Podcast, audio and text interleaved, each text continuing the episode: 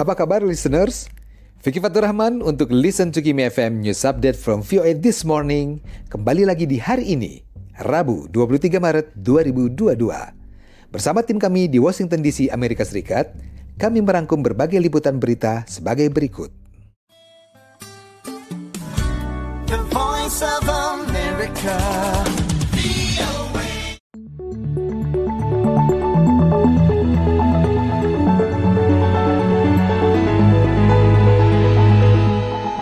This Morning.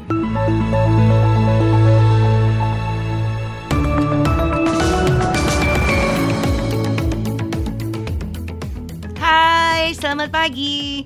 Welcome to VOA This Morning bersama saya Madioni. Rabu 23 Maret 2022 ini. Hampir separuh pekan sudah kita lewati, pasti sudah separuh juga target minggu ini yang tercapai.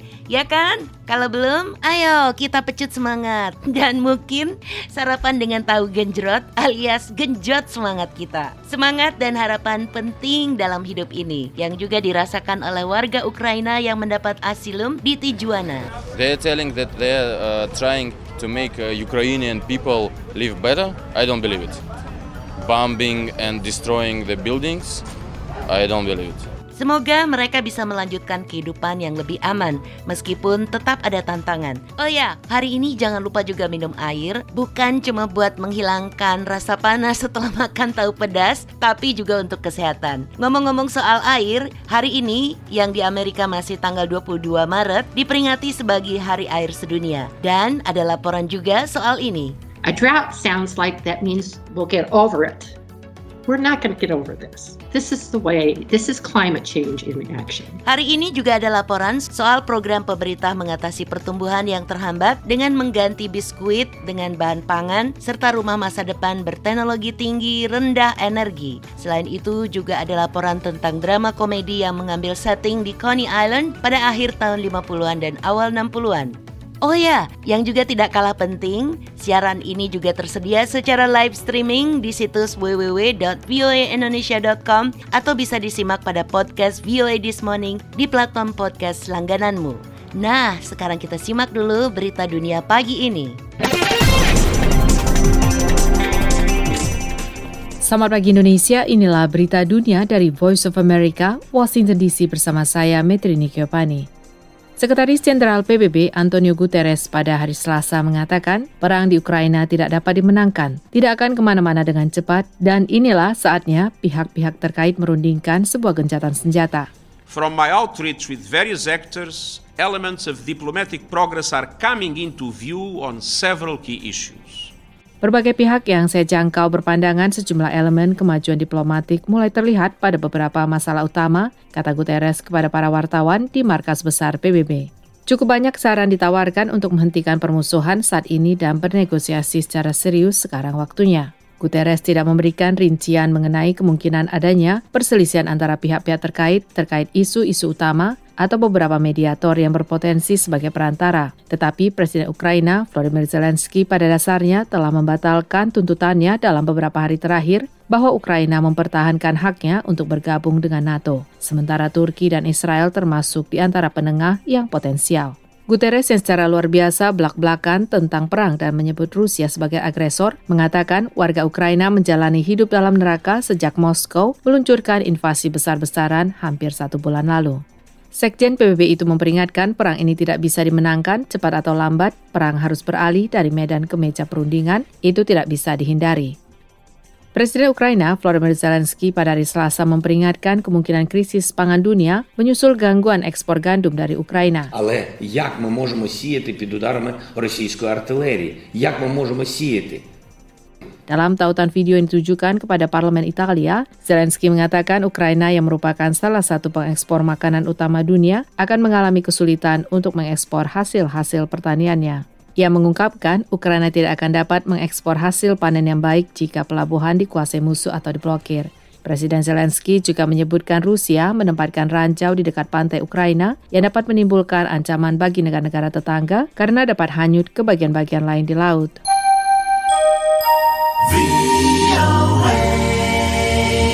Uni Eropa mengupayakan pembelian bersama gas alam kata sejumlah pejabat pada hari Selasa. Blok 27 negara itu mengakui ketergantungan energi pada Rusia dan berjuang menentukan beragam sanksi yang tepat untuk menghukum Kremlin atas invasinya ke Ukraina. Itu dikarenakan blok kawasan tersebut masih sangat membutuhkan bahan bakar fosil Rusia. The fact that our gas storage has been uh, fulfilled with the lowest uh, level since uh, since many years. Tingkat penyimpanan gas yang rendah membawa kita pada kesulitan besar pada Januari lalu yang mengakibatkan saling rebut gas tambahan untuk konsumsi Eropa, kata Wakil Presiden Komisi Uni Eropa, Maros Sefcovic. Dengan harga, energi yang tinggi, dan pasokan yang rendah, Uni Eropa memandang krisis terakhirnya pandemi COVID-19 sebagai contoh yang baik. Negara-negara anggota bergabung dalam pembelian vaksin virus corona dalam jumlah besar untuk pendistribusian yang adil. Sekovic mengatakan perlunya mengambil pelajaran yang baik dari upaya menangani pengadaan vaksin tersebut. Menurut saya juga ada dukungan untuk pembelian gas bersama di antara negara-negara anggota. Ia menambahkan, saya berharap ini akan menjadi pendekatan yang juga harus didukung oleh para kepala negara dan pemerintahan dalam pertemuan puncak dua hari mulai hari Kamis. Draft kesimpulan KTT yang diperoleh Associated Press termasuk dalam mempertimbangkan musim dingin mendatang, negara-negara anggota dan komisi akan segera bekerja sama dalam pembelian bersama gas, LNG, dan hidrogen. Rincian kesepakatan berkaitan hal tersebut masih perlu diselesaikan. Mesir hari Selasa menjamu para pemimpin Israel dan Uni Emirat Arab untuk pembicaraan tiga pihak yang belum pernah terjadi sebelumnya ketika perang Ukraina mengguncang pasar energi dan makanan dan negara-negara kuat dunia hampir mencapai kesepakatan nuklir Iran yang kembali dihidupkan. KTT itu diadakan di Resor Laut Merah, Sharm el Sheikh, antara Presiden Mesir Abdel Fattah el-Sisi, Perdana Menteri Israel Naftali Bennett, dan penguasa de facto UEA Putra Mahkota Abu Dhabi Muhammad bin Zayed. KTT tersebut berlangsung hampir sebulan setelah Rusia menginvasi Ukraina yang memicu kekhawatiran tentang keamanan dan membuat harga minyak, gandum, dan komoditas utama lainnya melonjak. Mesir, Israel, dan Uni Emirat Arab adalah sekutu Amerika, namun sejauh ini ketika negara itu menghindar untuk mengambil posisi melawan Rusia atas perangnya di Ukraina. KTT itu adalah yang pertama dan menandakan doktrin baru diplomasi regional yang diperjuangkan oleh UEA, kata Mustafa Kamel Al-Said, seorang profesor ilmu politik di Universitas Kairo. Dalam pertemuan ketiga pemimpin itu hari Selasa, mereka membahas energi, stabilitas pasar, dan ketahanan pangan, kata juru bicara kepresidenan Mesir Basam Radi. Juru bicara Gedung Putih Jen Psaki dinyatakan positif COVID-19 pada hari Selasa dan tidak akan bergabung dengan Presiden Joe Biden dalam perjalanannya yang akan datang ke Eropa. Hari ini, untuk persiapan perjalanan ke Eropa, saya mengikuti tes PCR pagi ini. Hasil tes itu positif yang berarti saya akan mengikuti panduan CDC dan tidak akan melakukan perjalanan bersama Presiden ke Eropa, tulisnya di Twitter. Saki mengatakan hanya mengalami gejala ringan sejauh ini. Akhir pekan ini, Biden akan menghadiri KTT NATO, pertemuan G7, dan KTT Dewan Eropa di Brussels. Semuanya berfokus pada situasi di Ukraina sebelum melakukan perjalanan ke Polandia. Demikian berita dunia dari Voice of America, Washington DC.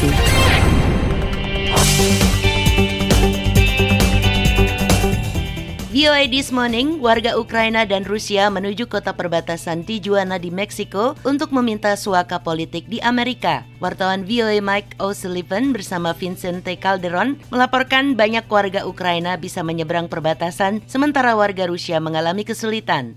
Puluhan orang Rusia dan Ukraina berkemah dalam beberapa hari terakhir ini di perbatasan Meksiko. Kedua kelompok itu berharap diterima di Amerika dengan mengklaim status suaka. Orang-orang Ukraina sebagian besar mendapatkan izin masuk untuk mengajukan klaim mereka, menyusul memo perlindungan perbatasan dan bea cukai Amerika tertanggal 11 Maret yang mendesak agar mereka dipertimbangkan untuk pengecualian dari Title 42, suatu ketentuan kesehatan masyarakat yang diajukan oleh mantan Presiden Donald Trump. Aturan itu masih berlaku di bawah Presiden Joe Biden. Beberapa orang Ukraina seperti keluarga-keluarga yang disaksikan oleh VOA diterima dengan pengecualian itu.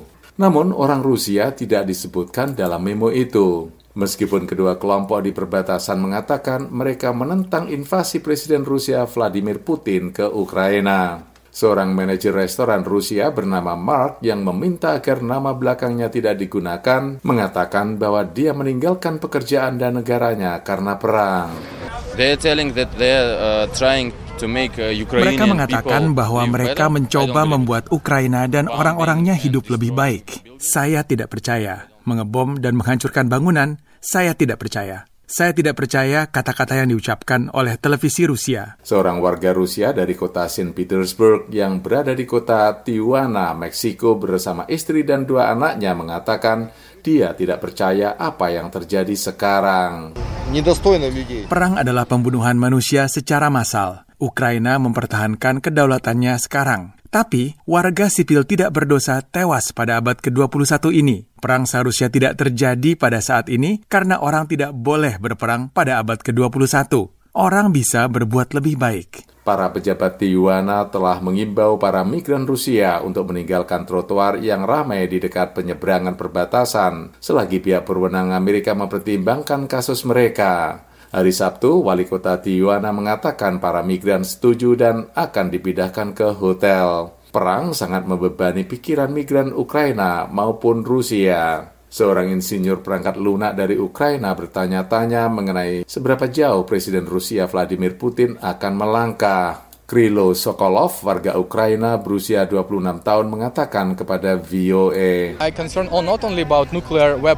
Saya khawatir tidak hanya tentang senjata nuklir Rusia. Saya khawatir tentang keamanan pembangkit nuklir di Ukraina. Banyak orang Rusia yang berharap untuk menyeberangi perbatasan adalah pembangkang yang datang ke Meksiko sebagai turis. Dengan melarikan diri dari perang yang tidak jelas kapan akan berakhir, orang-orang dari kedua belah pihak mencari suaka di Amerika. Dari VOA Washington DC, saya Leona Triono.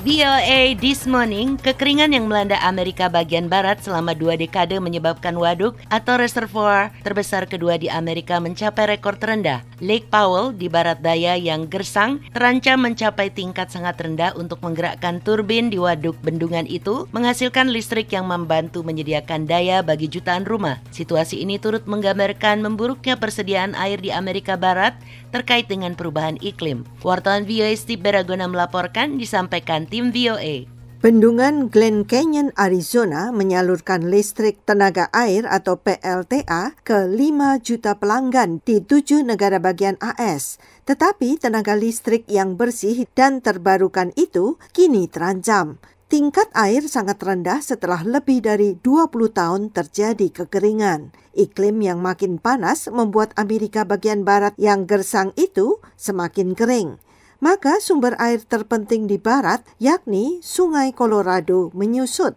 Pakar air Michael Cohen dari Pacific Institute mengatakan, Tanpa persediaan air di waduk ini, pasokan air yang teratur, dapat diandalkan, dan aman ini, Amerika bagian barat tidak akan berkembang. Kota-kota besar termasuk Las Vegas, Los Angeles, dan San Diego minum air dari Colorado. Secara keseluruhan, waduk ini menopang sekitar 40 juta orang dan mengairi lebih dari 2 juta hektar lahan pertanian. Bendungan adalah mesin ekonomi bernilai miliaran dolar yang semakin lama semakin tidak bisa diandalkan. Kami pikir air ini akan tersedia di sini, tapi ternyata makin berkurang. Pakar air memperkirakan perubahan iklim akan membuat sungai menyusut. Jennifer Gimbel, Kepala Pusat Air Colorado di Colorado State University mengatakan, Apa yang tidak kami ketahui adalah seberapa cepat air itu berkurang, dan itu merupakan peringatan sekarang. Para petani Arizona mengambil pasokan air pertama mereka tahun lalu. Pertanian menggunakan sekitar 70 persen air sungai. Para petani berada di bawah tekanan yang meningkat dari kota-kota berkembang yang memerlukan lebih banyak air. Michael Cohen dari Pacific Institute menambahkan, In many cities, Di banyak kota, terlepas dari pertumbuhan ekonomi dan penduduk yang cepat, mereka menggunakan air lebih sedikit daripada 20-30 tahun yang lalu. Jadi, apa yang kita lihat di banyak kota, ini adalah pergeseran etika dalam melestarikan air. Tetapi itu tidak cukup. Air waduk terus menurun dan peramal cuaca memperkirakan akan terjadi musim kemarau lagi. Puspita Sariwati, VOA, Washington.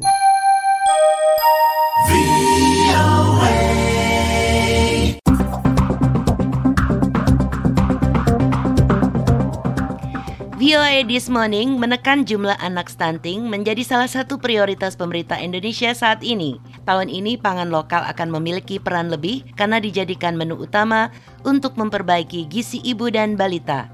Berikut laporan Nur Hadi Secahyo. Menekan jumlah anak stunting menjadi salah satu prioritas pemerintah Indonesia saat ini. Tahun ini pangan lokal akan memiliki peran lebih karena dijadikan menu utama untuk memperbaiki gizi ibu dan balita. Program pemberian makanan tambahan atau PMT bagi ibu hamil biasanya diberikan dalam bentuk biskuit. Kesadaran akan pentingnya peran pangan lokal membuat pemerintah mengubah kebijakan tersebut. Erna Mulati, Direktur Kesehatan Keluarga Kementerian Kesehatan menyebut pangan lokal akan menjadi menu bagi ibu dengan kurang energi kronis. Ya, jadi tidak lagi pabrikan, tapi dengan pakan lokal dan kami terus berkoordinasi dan juga uh, mendapatkan masukan para ahli uh, terkait dengan komposisi dari pangan lokal ya yang kita harapkan nanti bisa didapatkan uh, di daerah ya. Menu berbahan pangan lokal itu akan disesuaikan dengan situasi dan kondisi yang ada di setiap daerah. Pemilihannya didasarkan pada kesadaran bahwa kebutuhan nutrisi selama kehamilan sangat penting untuk mencegah lahirnya bayi dengan berat badan rendah. Pemilihan menu berbahan pangan lokal untuk ibu hamil dan balita adalah satu dari sembilan intervensi pemerintah untuk menekan angka stunting. Upaya lain yang dilakukan adalah pemberian tablet tambah darah bagi remaja, wanita usia subur, dan ibu hamil.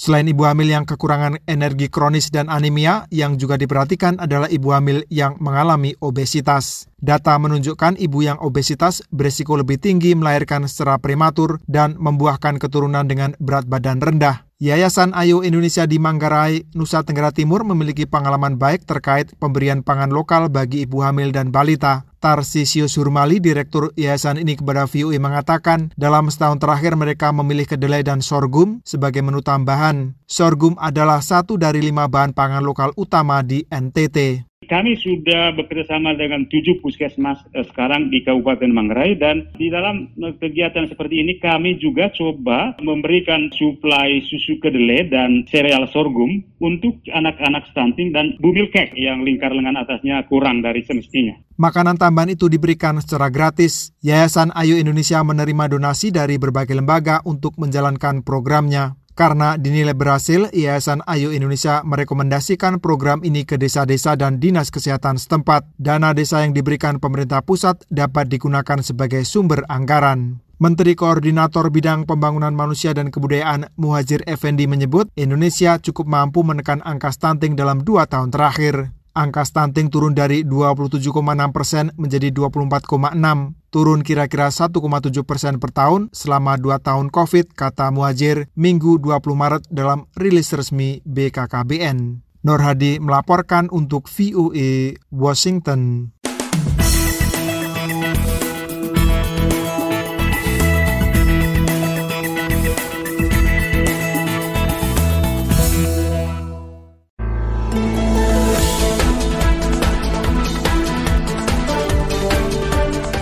Masih di VOA This Morning, kita beralih ke berita ekonomi. Situasi di Ukraina sangat mengganggu pasar minyak. Pekan lalu kita melihat harga minyak mentah Amerika mencapai 130 dolar per barel. Namun hari ini minyak diperdagangkan di bawah 100 dolar per barel. Jadi ada penurunan sekitar 27 persen.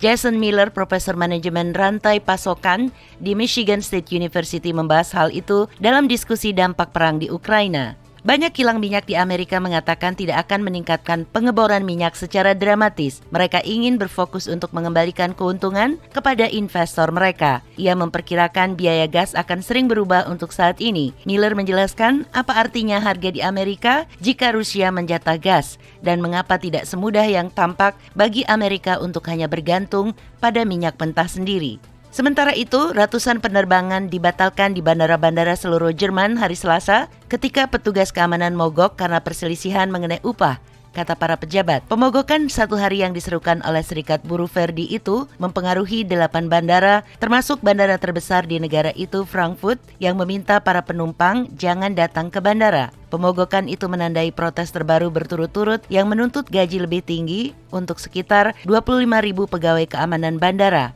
Protes terjadi setelah pemogokan peringatan yang menyebabkan gangguan perjalanan pekan lalu. Bandara Berlin, Brandenburg, dan Düsseldorf masing-masing membatalkan sekitar 140 penerbangan. Sementara Hamburg membatalkan semua 88 keberangkatan yang direncanakan hari itu. Bandara Frankfurt menghentikan 118 penerbangan. Kata operator Fraport, Bandara Cologne, Bonn, Bremen, Hannover, dan Stuttgart juga terdampak. Untuk Puspita Sariwati, saya Madioni, VOA.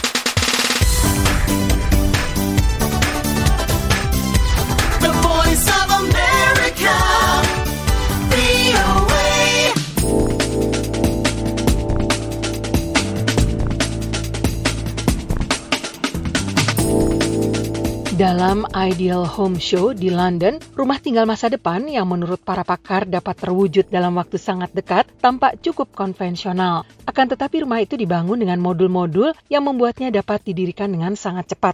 Penambahan ruang juga dapat dilakukan dengan mudah. David Richards yang merancang konsep itu mengatakan, Steel frame homes are buildings of the future. Rumah-rumah berkerangka baja adalah bangunan masa depan. Begitu banyak pengembang yang memiliki cadangan lahan, ribuan hektar lahan yang tidak mereka kembangkan. Mereka melihat kenaikan nilai lahan di sana sebelum sampai ke lokasinya. Apa yang dapat kita lakukan adalah membangun rumah dalam empat hari di lahan kosong. Kita dapat menjualnya di lokasi itu meskipun kita tidak mengembangkan lahan itu dalam empat atau lima tahun mendatang. Di dalam rumah masa depan itu banyak terdapat perangkat ramah lingkungan yang dipamerkan, mulai dari tempat pengurai sampah hingga barang-barang bekas yang digunakan lagi di rumah modern. Para desainer rumah itu ingin mengurangi dampak bangunan terhadap lingkungan hingga ke material untuk membangunnya. Richards menambahkan, material di dalam rumah itu lebih berhubungan dengan konservasi energi. Misalnya, penggunaan bahan kaca tertentu di jendela yang dapat mengurangi biaya pemanas. Interior rumah juga dilengkapi dengan berbagai perangkat seperti mesin cuci pintar yang dapat dikontrol dengan aplikasi dan cermin interaktif untuk membuat penggunanya berolahraga. Richards mengatakan gawai seperti itu sangat penting untuk rumah baru. Menurutnya, orang-orang kelak akan bergantung pada gawai. Juga ditampilkan dalam acara tahunan yang memamerkan tren rumah terkini itu adalah Solivus Arc yang memanfaatkan tenaga surya tanpa panel surya di atap. Struktur yang sepenuhnya portable ini dirancang untuk ditempatkan di daerah kecil di tanah seperti di taman. Tom Beaumont, Direktur Penjualan dan Pengembangan Bisnis di Solivus, mengatakan, Ini berkenaan dengan pemanfaatan ruang yang sangat kecil, membuatnya lebih mudah diakses. Yang menarik dengan Solivus Arc, jika Anda pindah ke rumah, Anda dapat membawanya serta. Solivus Arc belum dijual, tetapi perusahaan itu memperkirakan biayanya sekitar 3.500 pound sterling bila sudah diproduksi. Mereka juga menyatakan benda ini dapat menghasilkan cukup banyak energi untuk menggerakkan mobil listrik hingga sejauh 5.000 sampai 10.000 mil per tahun. Jadi, apa yang diperlukan untuk mendapatkan lebih dari sekadar memutakhirkan rumah ke solusi yang ramah lingkungan? Biaya, kata seorang desainer interior Inggris terkenal, Lawrence Llewellyn Bowen. Ia menjelaskan, I don't want product to be given a premium price tag because it's eco. That's wrong. Saya tak menginginkan sebuah produk diberi harga premium karena ramah lingkungan. Itu keliru. Ini bisnis yang buruk. Ini sama sekali tidak menguntungkan konsumen. Demikian info kali ini, Utami Husin, VOA Washington.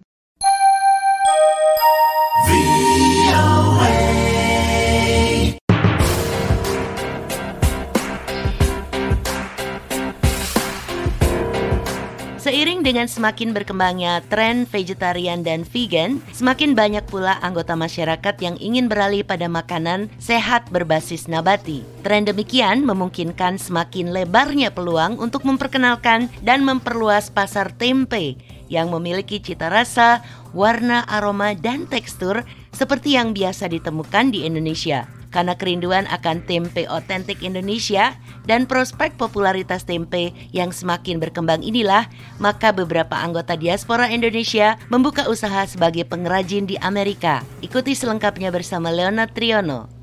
Pembuatan tempe di belahan bumi utara seperti di Amerika sangat menantang karena empat musim dengan cuaca ekstrim, terutama selama musim dingin ketika kelembaban tidak menentu dan suhu udara sering mencapai titik di bawah 0 derajat Celcius. Namun, tempe menjanjikan bisnis yang prospektif di Amerika. Oleh karena itu, semakin banyak pula anggota diaspora Indonesia yang terjun ke bisnis pembuatan tempe. Di kota kecil bernama Somersworth, New Hampshire, di kawasan timur laut Amerika, dua pasang diaspora Indonesia menekuni bisnis ini sebagai aktivitas sampingan selain tetap menjalani profesi utama masing-masing.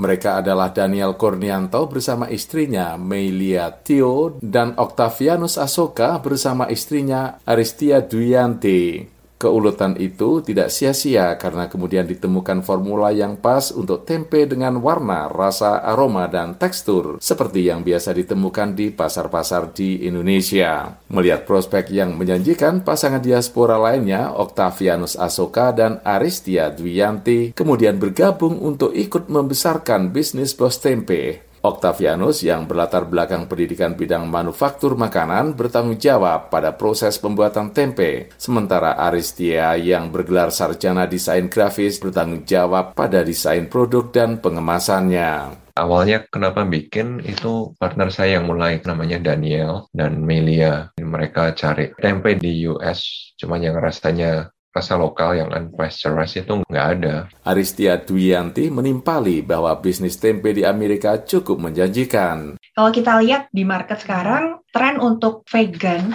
atau vegetarian itu semakin tahun trennya memang makin naik. Jadi ada data juga yang memperlihatkan kalau konsumsi tahu tempe itu setiap tahun memang semakin naik. Sementara itu di kawasan barat tengah Amerika di kota kecil Greensburg di Indiana juga berdiri pabrik tempe yang diprakarsai oleh seorang diaspora Indonesia bersama suaminya. Maya dan suaminya Richard Mays memulai satu-satunya restoran Indonesia di Indiana pada tahun 2012.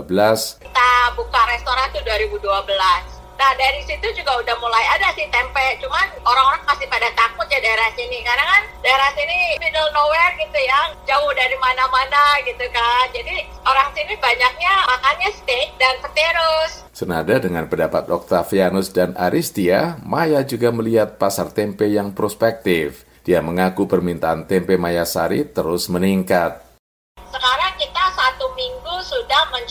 Sekitar 20 sampai 30 busel. Itu untuk menghasilkan sekitar 700 sampai 1200 unit tempe dengan besar sekitar 350 graman. Dari VOA Washington DC, saya Leona Triono.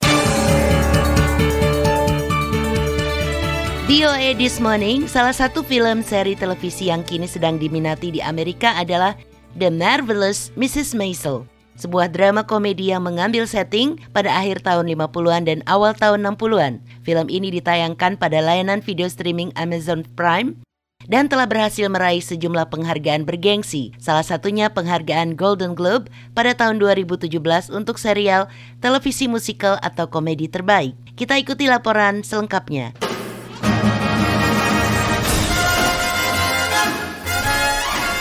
Alur cerita film The Marvelous Mrs. Maisel ini telah dikenal dengan perjalanannya ke berbagai lokasi ternama seperti kota Las Vegas, Miami, dan Paris, serta kostum dan setting latar belakangnya yang rumit untuk menunjukkan periode waktu tertentu dan suasana setempat. Namun, banyak rintangan yang harus dihadapi dalam pengambilan gambar untuk musim tayang keempat The Marvelous Mrs. Maisel di tengah pandemi, terutama dari segi perjalanan menuju lokasi dan sejumlah tuntutan produksi yang besar. Sehingga para produser film seri ini, Dan Palladino dan Amy Sherman Palladino, menemukan cara untuk melakukannya tanpa harus pergi jauh, namun tetap menghadirkan pemandangan yang enak dilihat. Mereka membawa para pemain film seri ini ke sebuah lokasi ikonik kota New York, yaitu Coney Island. Aktor Tony Shalhoub, salah satu bintang dalam film seri The Marvelous Mrs. Maisel ini, pada awalnya mengaku agak ragu dan mempertanyakan bagaimana mereka dapat melakukan ini semua di tengah pandemi. And when we read it, it seemed so um, kind of outrageous and fun. Tony mengatakan pada saat mereka membaca naskah serial ini, semua tampak luar biasa dan menyenangkan. Namun, begitu selesai membacanya, mereka saling bertanya bagaimana mereka dapat melakukan ini semua. Apakah mereka benar-benar akan pergi ke Coney Island? Apakah semua ini dapat dilakukan di tengah pandemi COVID-19? Tony memerankan Abe, karakter ayah dari tokoh utama Midge Maisel dalam film tersebut. Ia merasa senang dapat melakukan adegan dialog panjang saat berada di atas kinceria Taman Hiburan Coney Island. Tony mengatakan bahwa para penulis berhasil membuat adegan dialog panjang menjadi menarik dan tidak membosankan seperti yang biasanya terlihat dalam film atau acara televisi lain. Film seri The Marvelous Mrs. Maisel dapat disaksikan lewat layanan video streaming Amazon Prime Video. Demikian laporan VOA Indonesia.